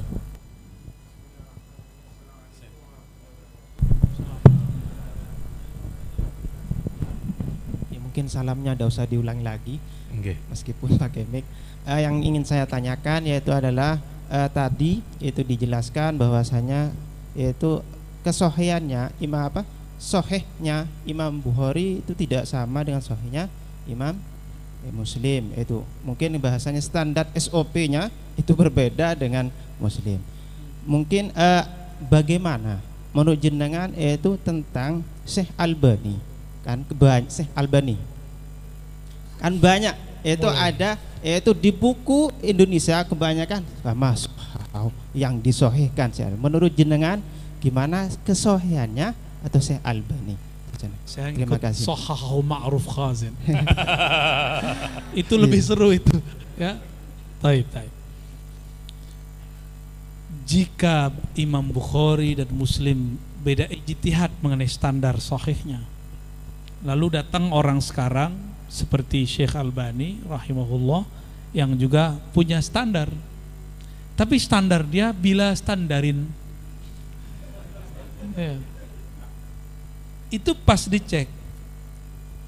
Yang ngecek juga ahli hadis. Uh, Sayyid Hasan bin Ali As-Saggaf. Ya, kawan Said Foda tapi belakangan mereka debat lagi dalam bab akidah. Tapi dalam hadis ini bagus.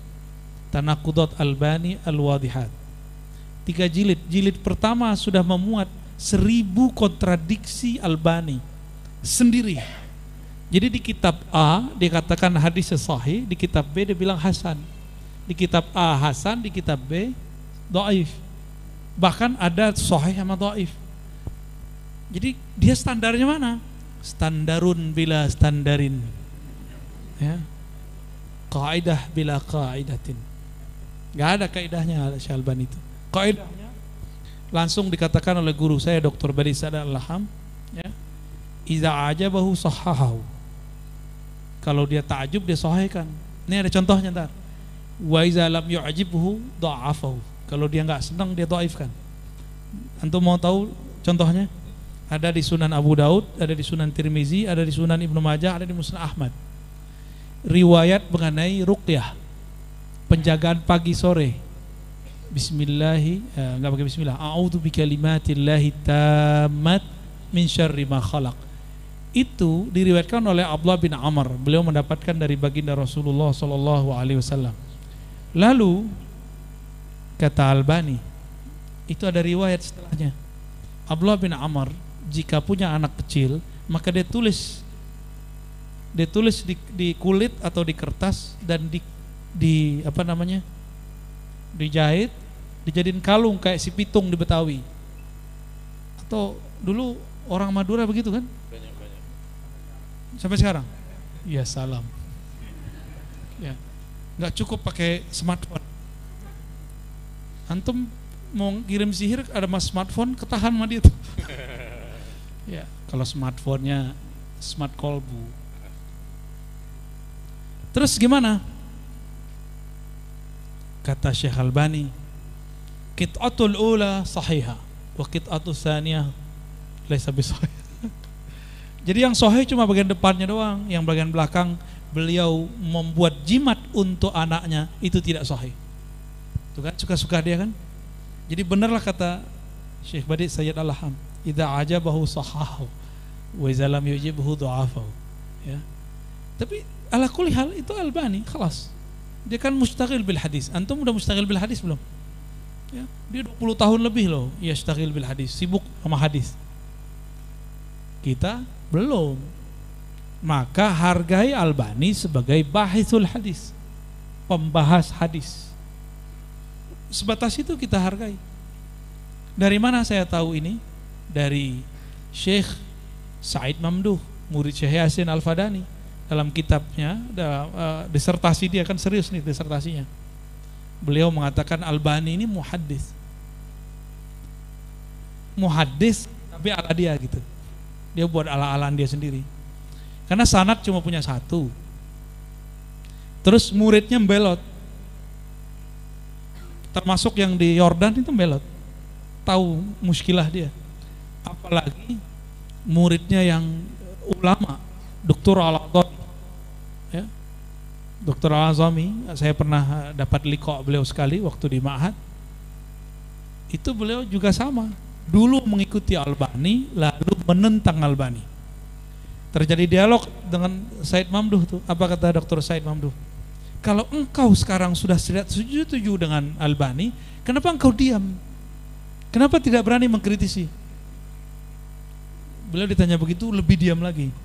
Ternyata mereka hidup di negeri yang negeri itu sangat menghormati Albani. Saudi. Jadi di Saudi antum coba-coba kritik Albani, wow. Sama di sini dengan antum mempermasalahkan Hadratus Syekh Hashim Asyari. Sama. Ada yang berani? Hah? Bisa-bisa di, di, dibuang orang ke laut, ya. Sama di Lombok itu. Sama di Lombok. Sama itu. Apa kata orang Madura apa? Care, carok, carok. Carok. carok. Taib. Di sini di Surabaya ini Buya, jadi banyak yang dari Bangkalan, tetapi mereka tidak menyebut dari Bangkalan, tetapi dari Surabaya Utara, ya. Karena sudah ada jembatan ya, jadi Surabaya Utara. Ada pertanyaan dari YouTube. Kalau tadi kan ini yang bertanya banyak hadirin, ini yang bertanya hadir out, ya. Yang hadirat ini bertanya apakah uh, ijazah lewat YouTube, ijazah lewat alat wasilah itu kemudian bisa menyambungkan sanat dan juga diperbolehkan. Monggo we. Ini pakai kias lagi ya. Kita cuma salah satu penghubung kita dengan masa lalu, sanat habis itu kias. Kalau sufi kan langsung pakai ilham, antum kan gak ahli ilham. ya, nggak bisa koneksi kan? Ya, Ihlam Wahyudi namanya. terjadi ihlam Yahudi.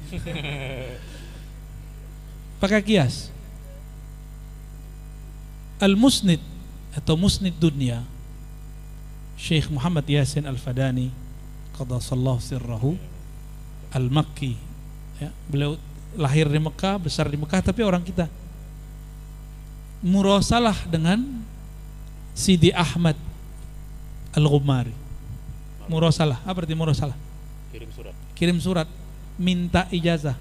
Maka berkirim suratlah mereka sebelum ketemu. Nanti ketemu lagi. Jadi dua kali dapat sanad dulu sosial medianya cuma surat-suratan. Zaman-zaman kita masih kecil dulu. Masih dapat nggak? Wah ini udah nggak dapat nih. Ini udah nggak dapat nih ya. Ya udah nggak dapat ya? Kalau antum masih dapat. Ya. Pernah ngirim surat cinta nggak dulu? Pernah ya? Pasti ditolak. Syekhuna Syekhu Syekhina Muhammad Yasin Al-Fadani Semoga Allah merahmati beliau dan murid-muridnya dan pengikut-pengikutnya dan mengambil sanad dari beliau Itu berkirim surat tidak hanya ke sana ke India, ke Sudan, ke mana yang beliau nanti kalau beliau biasanya sudah punya waktu luang baru pergi. Ini cara perginya juga dulu kan zaman nggak ada paspor. Kadang nggak pakai tiket pesawat, nggak tahu-tahu udah nyampe. Dan itu dia dia apa disaksikan oleh murid-muridnya. Ada muridnya di di di Hadramaut. Itu sampai bersumpah-sumpah kepada Allah bahwa Syekh Yasin ada di sini, tapi muridnya di Mekah bilang enggak, kita ada di sini di Darul Ulum. Tuh mereka sampai tengkar begitu. Ya dua-duanya benar sih. Kayak orang Tuban nama dengan Syekh Sunan Bonang ya. Bawayan. Ada Bawayan, ada Lasem, ada ada Tuban. Ya mereka nyaksiin semua. Yang dilihatnya benar, tapi yang yang terlihat belum tentu asli. Ya asli ya cuma satu. Nah dulu sosial medianya pakai surat. Kalau sekarang sosial medianya pakai apa? Pakai FB. Maka ada ijazah al-FBwiyah. Ada ijazah lewat Instagram, ada ijazah lewat macam-macam sekarang. Namun ijazah murasalah tidaklah sekuat ijazah bil liqa.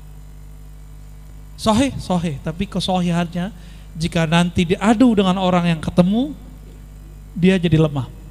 Apalagi jika informasinya berbeda.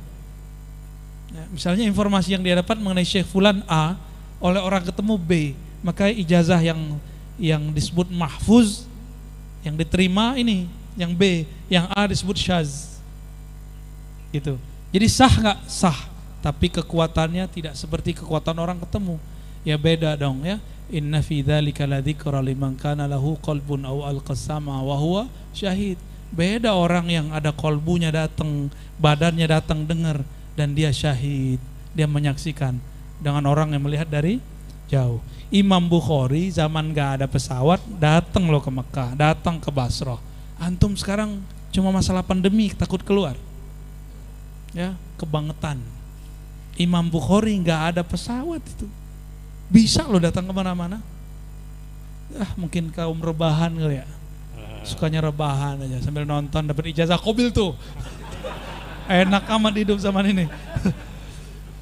Allahu a'lam Betullah kira-kira yang disampaikan oleh Sayyidil Habib Umar bin Hafid kata Habib Umar Al-Yamani dari Yaman dulu mencari ilmu itu sulit tapi mudah mengamalkan. Hari ini mendapatkan ilmu itu mudah. Di berbagai medsos, di berbagai grup mudah, tapi mengamalkan yang sulit.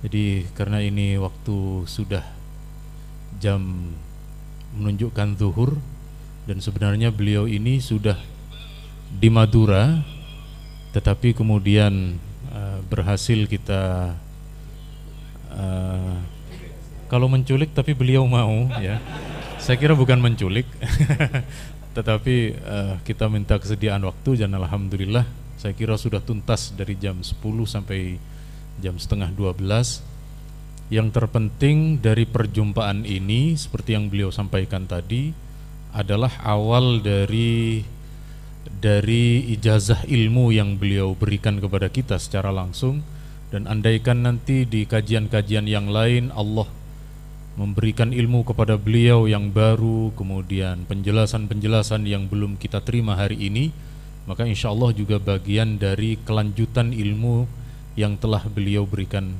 kepada kita hari ini.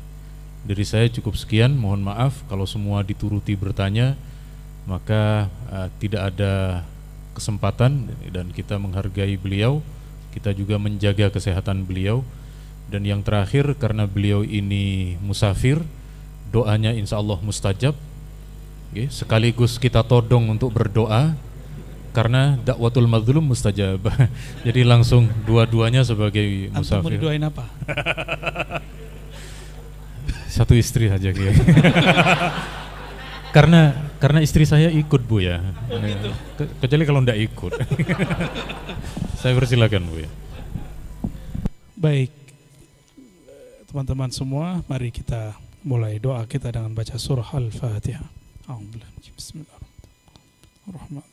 مالك يوم الدين إياك نعبد وإياك نستعين صراط الذين أنعمت عليهم اللهم يا منزل الفاتحة يا الله yang menurunkan surah Al-Fatihah افتح لنا رحمتك افتح لنا أبواب رحمتك يا الله bukakanlah pintu rahmatmu wa sallim wa barik ala sayyidina Muhammad Ya Allah sampaikan salam rindu kami, salam cinta kami kepada baginda Nabi Muhammad sallallahu alaihi wasallam.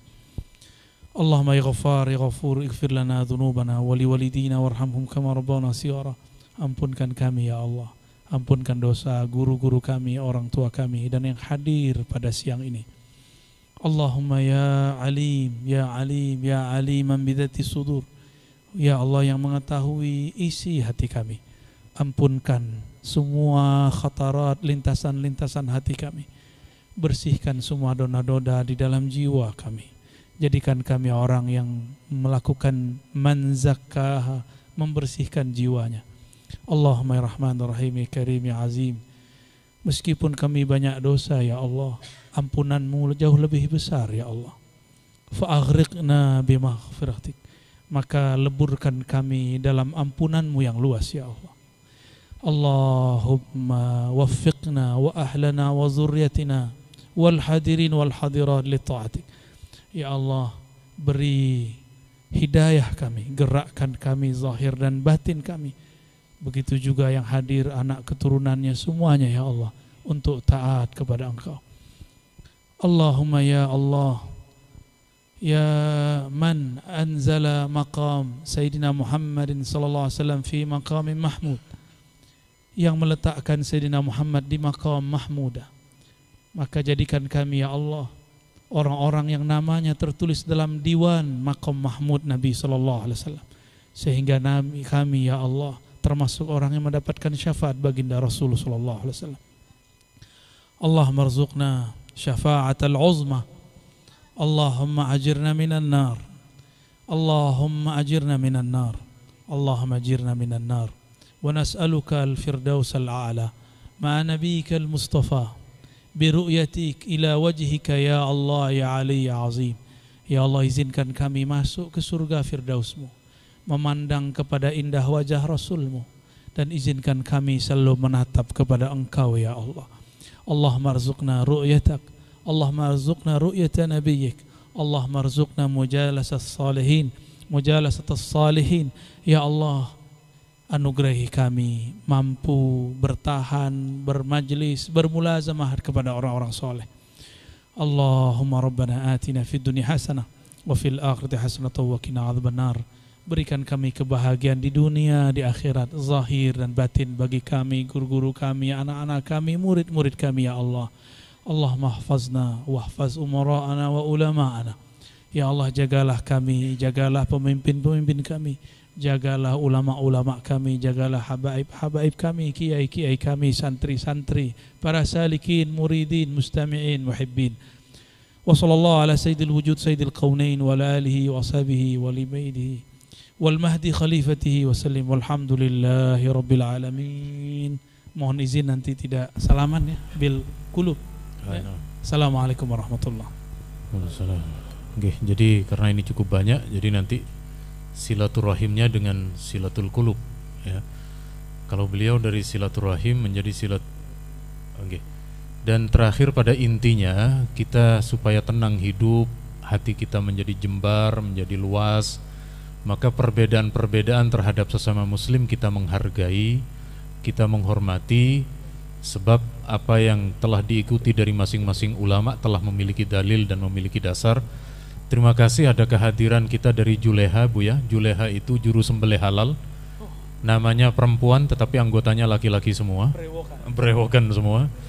Ada Haji Abdurrahman dari Raudatul Ulum teman saya, ada lagi Ustadz Musleh, ada Ustadz Soleh. Ustadz Multazam, kok ingat Ustadz Musleh terus ini Ustadz Multazam, beliau dari PP Pondok Pesantren Safinda dan Al-Zaujat ya. dari terima kasih terima kasih juga kepada Nurul Hayat atas tempat dan panjenengan semua yang rawuh. Dari saya cukup sekian, mohon maaf yang tak terhingga. Ngapunten yang kata uh, mungkin beliau langsung safar bisa jamak takhir. Dan kita insyaallah akan sholat di sini. Mohon maaf yang tak terhingga. Subhanakallahumma bihamdika asyhadu an la ilaha illa anta astaghfiruka wa atubu ilaik. Ngapunten ingkang kathah wassalamualaikum warahmatullahi wabarakatuh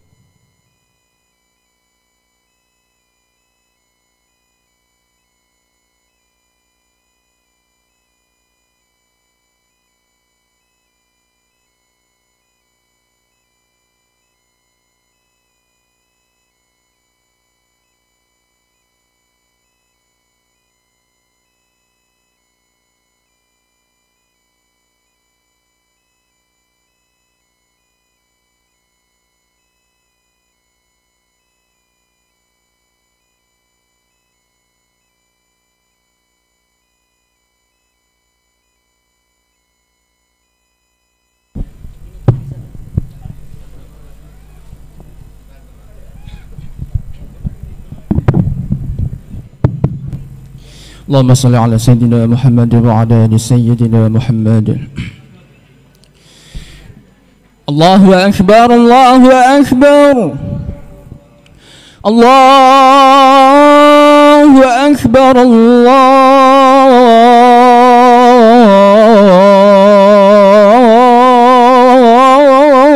الله أكبر. أشهد أن لا إله إلا الله.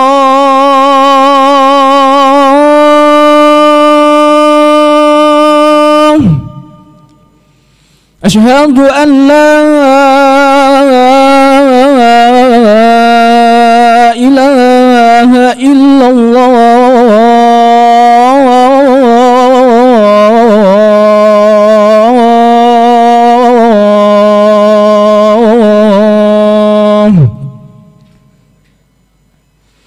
أشهد أن محمد رسول الله.